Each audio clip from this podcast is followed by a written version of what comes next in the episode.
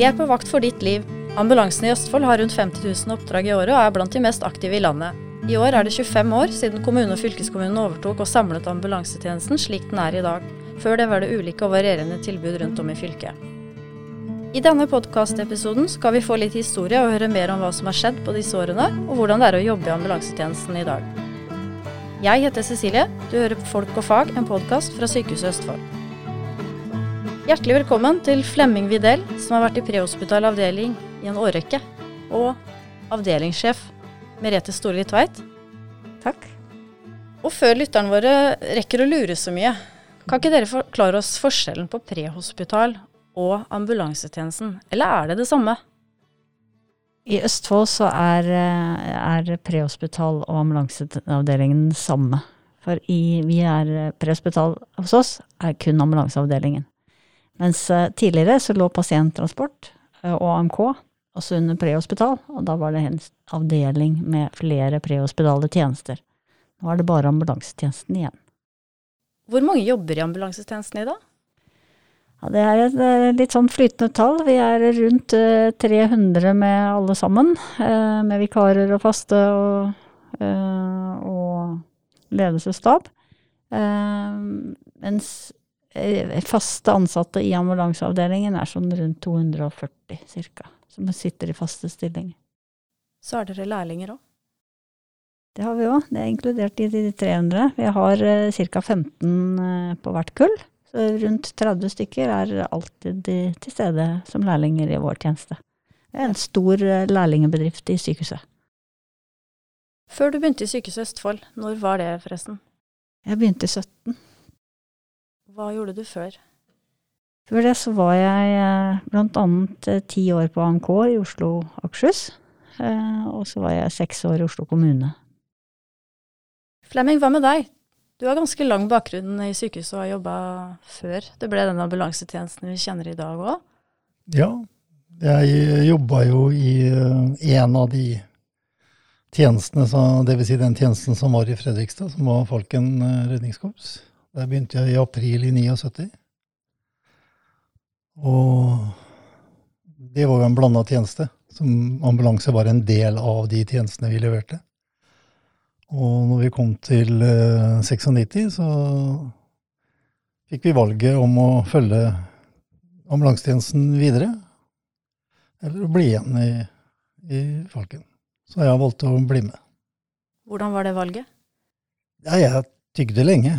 Jeg var, mest, jeg var ikke mest aktiv på ambulansesida i Falken-tida. Jeg, jeg, kjørte jo som alle andre, og, men jeg drev med dykking og alarmer og autotjenester og sånn mye, mye på det tekniske sida. Delvis også at jeg var stasjonsleder fra 86, de siste åra. Mm. Hva var det som gjorde at du valgte å bli med over?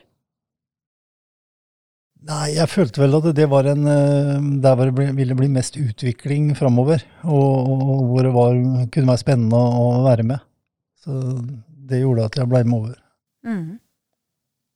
Men vi må nesten si litt mer om, hvis vi går 25 år tilbake. Eh, du var så vidt innom det, men hvordan var ambulansetjenestene i fylket vårt da? Ja, da, Som sagt så var jo Falken som drev tjenesten i Fredrikstad. I Sarpsborg og Halden så var det brannvesenet. I Halden brannvesenet i Sarpsborg som drev. Og i Moss så var det sykebilservice. Og i Indre Østfold så var jo da Røde Kors og Norsk Folkehjelp som drev. Så var det en taxiutøver med båretaxi som drev i Rakkestad, som også var litt sånn småakutt. Så vi kommet til jubileumsåret, Merete. Mm. Hvordan er det å være sjef for den gjengen her? Ja, det er fantastisk. De er så flinke. Det, er, det har jo vært en rivende utvikling i ambulansetjenesten i disse 25 årene. Når, når, det ble en sammenslåing, så var ambulansefaget egentlig et ja, var det et månedskurs eller så? Et lite ja, kurs? NOU 76 som sa noe om hva slags kompetanse og kjøretekniske ferdigheter vi skulle ha. Den var i praksis ikke sånn veldig strengt at det skal du ha. Men I dag hadde ikke det holdt til vikar engang. Og så, eh, rundt årstusenskiftet så ble dette en del av videregående opplæring. Man kunne ta fagbrev. Um, og det var egentlig den første sånn ordentlige formaliseringen av utdanning innen ambulanse. Gikk det ikke mange årene før Sykehuset Østfold kastet seg på 60 studiepoeng paramedic-studie på høyskole, og, og derfor så er vi i dag kjempegodt, har høy kompetanse på alle våre sykebiler, for vi har over rundt 50% av våre ansatte har mer utdanning enn grunnutdanningen som er videregående fagbrev. Um, men de har da i storstad tatt etter 60 studiepoengsstudie. Og så i 17 så kom det første kullet med paramedisiner, altså treårig bachelor høyskole. Så på 25 år så har dette gått fra å være et kurs til å være en bachelorutdanning, og du kan også ta en master. Så det sier jo bare litt om hvor vanskelig og krevende dette yrket er, og hvor mye som man trenger å kunne forstå der ute når de store tingene har skjedd. Så, og da er det kjempespennende å kunne lede en ambulanseavdeling som er så godt skodd som denne her er. Er Østfold, har, har Østfold pekt seg ut på noe vis i forhold til det her med å heve kompetansen? Ja, det er helt klart. Det er, eh, og så er Østfold også et fylke som er, er ganske lite. Ikke sant? Så vi har eh, vi er komprimerte. Vi har ikke de store utfordringene med lange kjøre, kjøretider, sånn som man f.eks. har i nord. Og dermed så har vi også mye lettere for å rekruttere. Så når vi eh, lyser ut eh, lærlingestillinger hos oss, så sist år så hadde vi 168 søkere på 15 stillinger. Og da er det ikke bare karakterer de søker på. Det er mer enn de må gjennom, er det ikke det? Jo, vi kjører en fysisk test, eh, og så har vi full intervjurunde og egnethet og ja. Hva er de viktigste egenskapene for å jobbe i ambulansetjenesten? Det er ikke lett å si. Det er en så sammensatt uh, jobb, for du skal, du skal være litt praktiker, og så skal du være litt teoretiker òg, og så skal du ha blande dette her sammen i, i, i hverdagen, i oppgavene. Og du skal ha, være klar når det blåser veldig godt rundt deg, så skal du stå oppreist og bidra.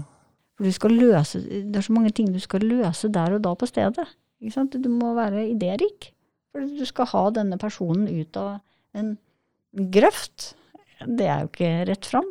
HMS-en er jo helt tragisk i en sånn situasjon. Ja, og du må, må, se farene der pasienten ja. ligger. Den kan jo ligge under noe, eller i noe som kan skli, eller kan vippe. Kan forverre situasjonen. Så det, det, det er der praktikerne, derfor jeg sier det er så viktig å ha en blanding, blanding, her. Høy kompetanse for å ta seg av pasienten, men også høy kompetanse for å se farer og sikkerhet og, og, og det, det ved siden av. Så må man være spesielt tøff for å gå inn i yrket her? Nei.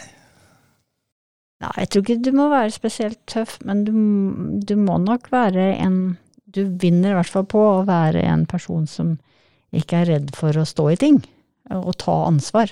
Og det ser vi jo på den ansattgruppen vi har, vi har mange mennesker som er, er veldig eh, De er veldig flinke til å si fra hvis ting burde vært annerledes.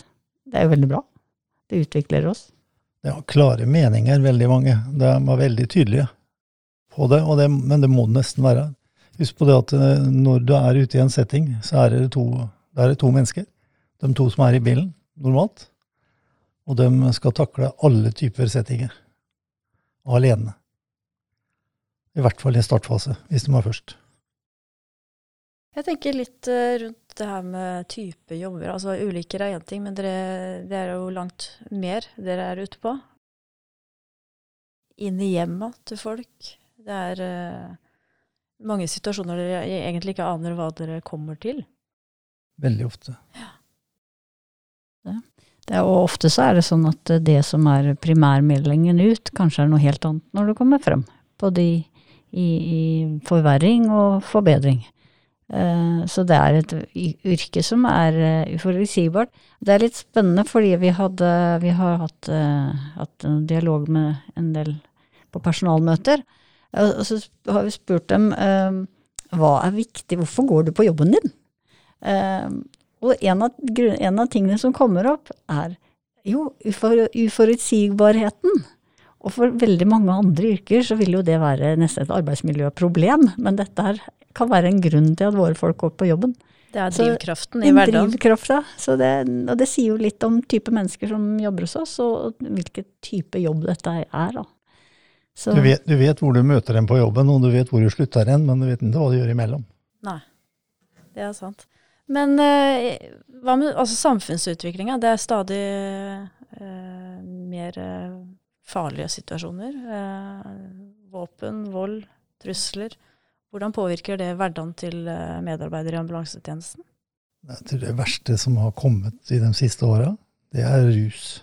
Og problemstillinga rundt aggressive og utagerende med rus. Jeg tror det er det verste. ja, det er en, Eh, noe, mer, noe særlig mer vi- Altså, vi risikerer jo stikkvåpen og sånn, for det, det finnes jo mye av nå.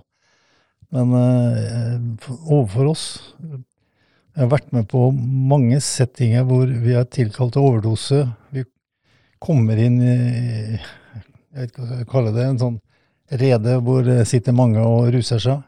Bordet er fullt av, av stoffer. Og, og, den vi skal møte, den ligger borte på gulvet. Og de fortsetter festen, de som vi kommer til. Det eneste som har vært eh, skummelt, er sånn at du må passe på medisinene dine så ikke de forsvinner, for ellers så forsvinner de. Eh, Ellers så eh, blir vi behandla veldig greit. Så sant det ikke er noen utagerende innimellom her. Men da har gjerne de vært årsaken til at vi har kommet. det er klart at vi, vi, er- vi er bekymra for sikkerhet. Det, det er vi. Og, og vi har kjørt noe kursing i, i hvordan takle vold og trusler. Men, men det er en krevende, krevende del av jobben. Uh, Våre folk er veldig flinke til å, å få ned aggressiviteten i situasjoner. Men vi har skader på folk. Vi har folk som blir slått og sparket. og sånn. Det, det er bekymringsfullt. Hva er de tøffeste oppdraga? Unger. Det Så jeg. jeg ser jo det eh, gjennom tida at eh, de som har unger på den aldersnivå som de har vært bortpå i en eller annen sammenheng, eh, sliter eh, ganske mye med en gang. Men det er, aldri, det er aldri moro å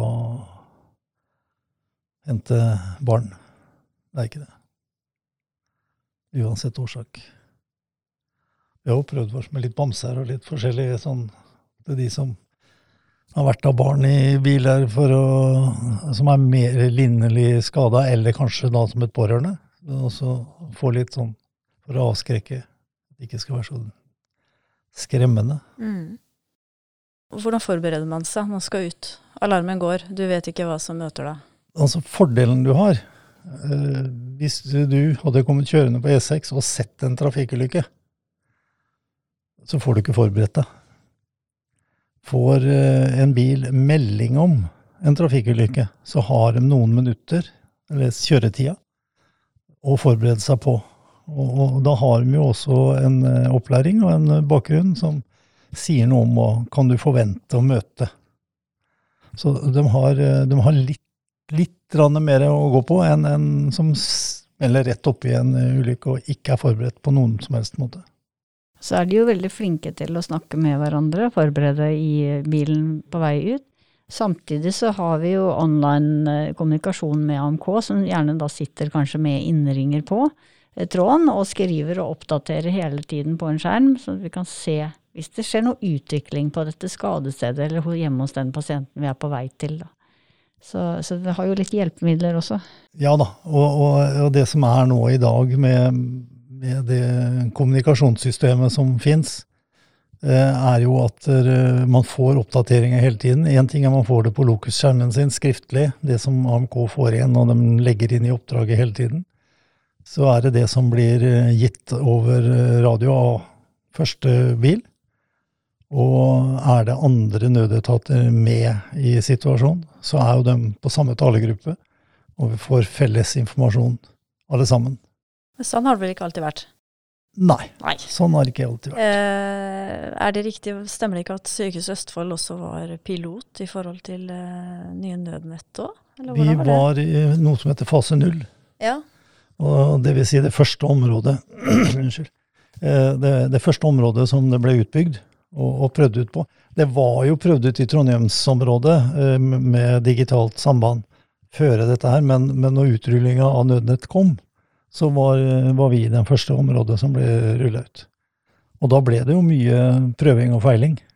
Det gjorde det. Mm. Men eh, så har, det var jo en del kritikk også i, starten på at det var dårlig dekning, dårligere dekning.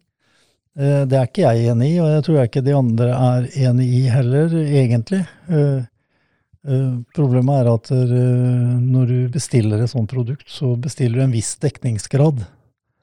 Og så vil det alltid være det vi kaller i radiosammenheng svarte høl, hvor, hvor alt er dødt og ikke virker. Så har vi jo systemer for å få dekning der òg. Mm.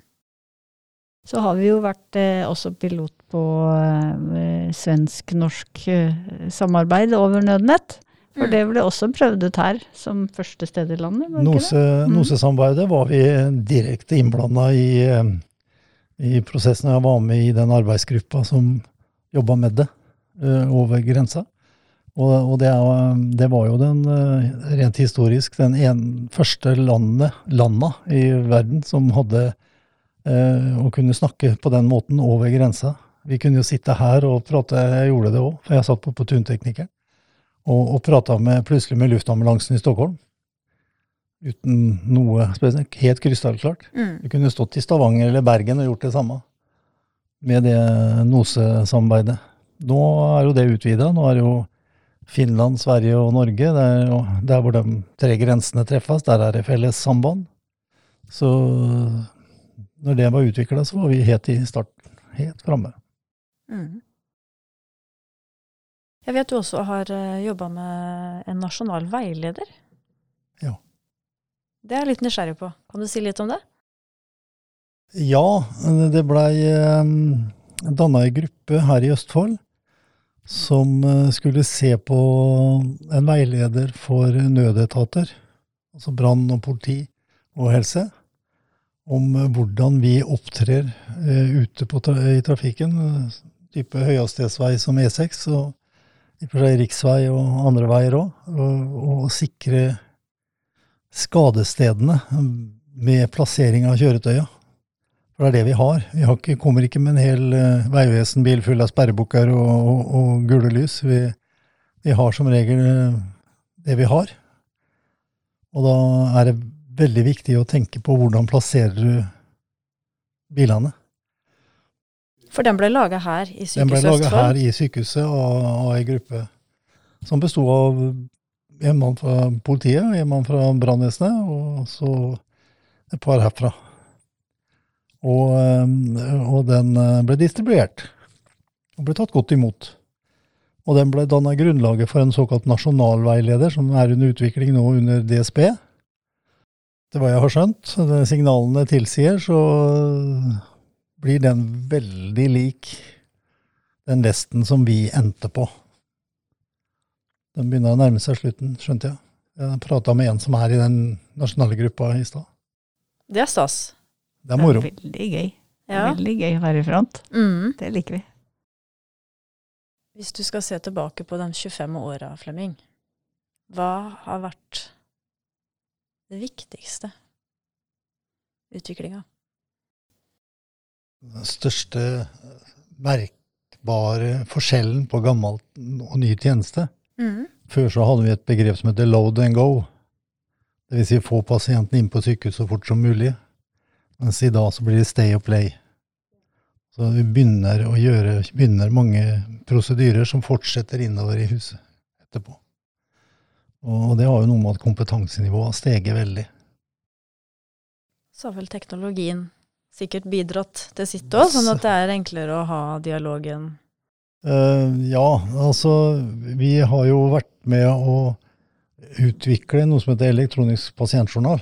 Eh, det har også Østfold vært med på i samarbeid med Bliksund.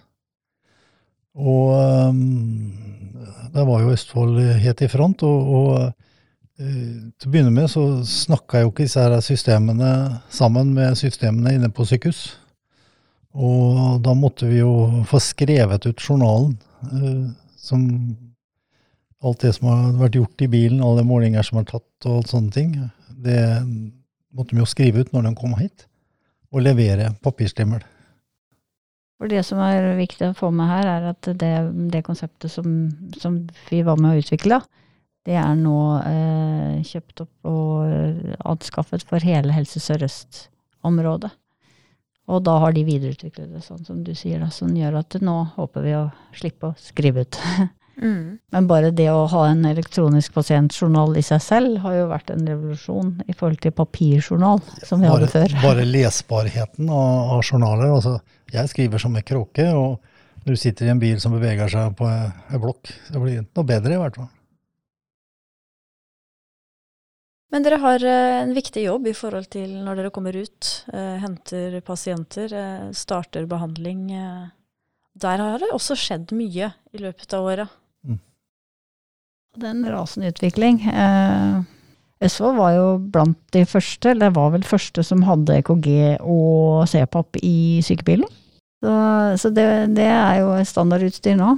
Um, CPAP er jeg ikke så sikker på om alle vet hva er, men eh, Det er jo over, eh, du får overtrykk. eh, Du puster imot et overtrykk.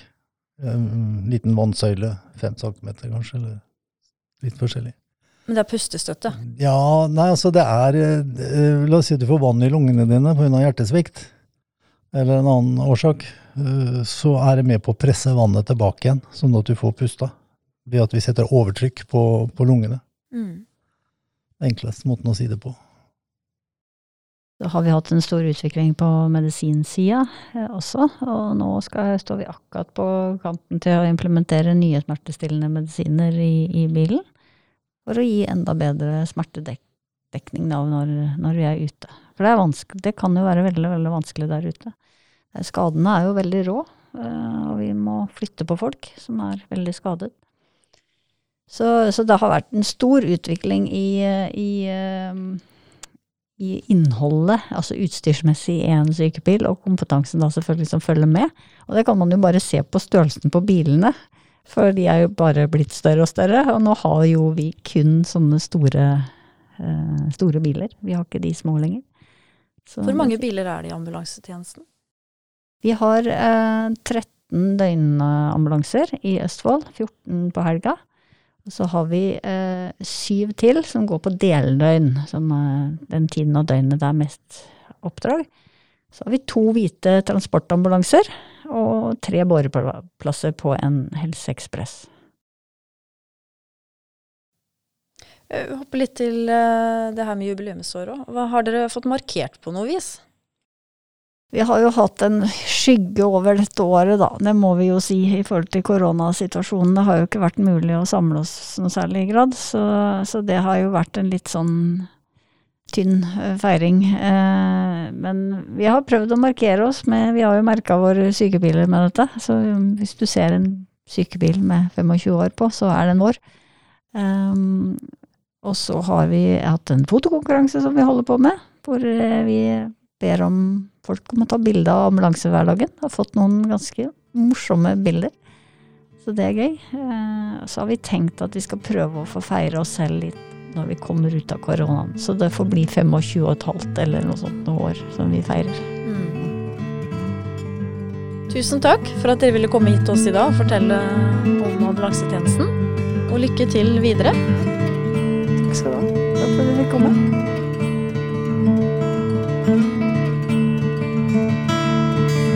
Tusen takk for at du var med oss. Du hørte en episode av Sykehuset Østfolds podkast Folk og fag. Vil du høre mer, finner du oss på Spotify, Apple Podkast og andre steder du hører podkaster. Tips gjerne en venn, eller gi oss en tilbakemelding hvis du likte det du hørte. Dette var siste episode i sesong én av Folk og fag, men vi lover å være tilbake igjen neste år.